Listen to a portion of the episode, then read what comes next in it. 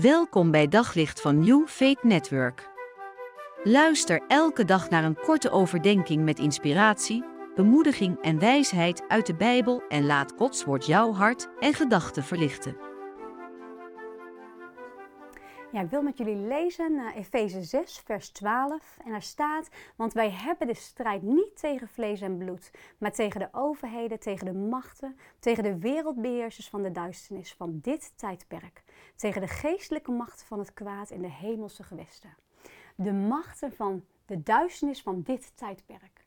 Er zijn dus duidelijk machten van de boze bezig om ons in dit tijdperk heel specifiek van God af te houden. En om stand te kunnen houden is het belangrijk om de versen die volgen toe te passen. En de hele wapenrusting van God aan te trekken. Dus laten we beginnen met het omgorden van de waarheid. Probeer altijd de waarheid te spreken en het uit te dragen. En vervolgens staat er: bekleed jezelf met gerechtigheid. Heb gerechtigheid lief en kom op voor onrecht. En dan houd de voeten geschoeid met de bereidheid van het evangelie van de vrede. Ja, wees al, ten alle tijden bereid het evangelie te delen. En dan neem het schild des geloofs de hand om alle vurige pijlen van de boze te kunnen doven. Geloof en vertrouw op God. En dan het zwaard van de geest staat voor het woord van God, de Bijbel. Probeer echt dagelijks de Bijbel tot je te nemen. Al is het één vers, want alleen daarmee ontmasker je de leugens van de Satan. Denk aan het geweldige voorbeeld van Jezus in de woestijn in Lucas 4.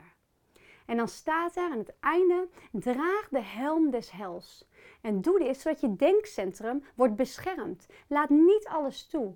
Word bewust van wat je denkt, want God wil je helpen. Je hoeft het niet alleen te doen. Wij christenen denken soms rustig achterover te kunnen lenen. En denken dat wanneer onze positie in Christus zeker is, God ons zal beschermen voor iedere aanval van Satan. Maar dit is niet zo. Dit is eigenlijk vergelijkbaar met een soldaat die hoort te strijden tegen de vijand, maar besluit in het kamp te blijven. En tegen zichzelf zegt: joh, we hebben een geweldige militaire overmacht. We hebben de meest geavanceerde tanks, vliegtuigen, raketten en schepen van de wereld. Waarom zou ik me druk maken over het dragen van een helm, wachtlopen, wachtlopen of het vasthouden van een geweer? Het is veel comfortabeler om rustig in dit kamp te blijven wachten, terwijl de tanks en raketten hun werk doen. Jij begrijpt vast wel welke soldaat er als eerste sneuvelt wanneer de vijand het kamp overvalt. God heeft ons zijn woord, de Bijbel, gegeven om ons te sterken in de strijd. Hij is onze bevelhebber. En hij heeft voorzien in alles wat we nodig hebben om deze strijd te overwinnen. Maar als jij de Bijbel niet opent en niet op zoek gaat naar de manier hoe jij die negatieve gedachten kunt overwinnen, bijvoorbeeld, of om in vrede met de mensen om je heen te leven en te bidden, dan zal je geraakt worden door de vijand. En dan zal die vijand Satan op dat terrein overwinning behalen.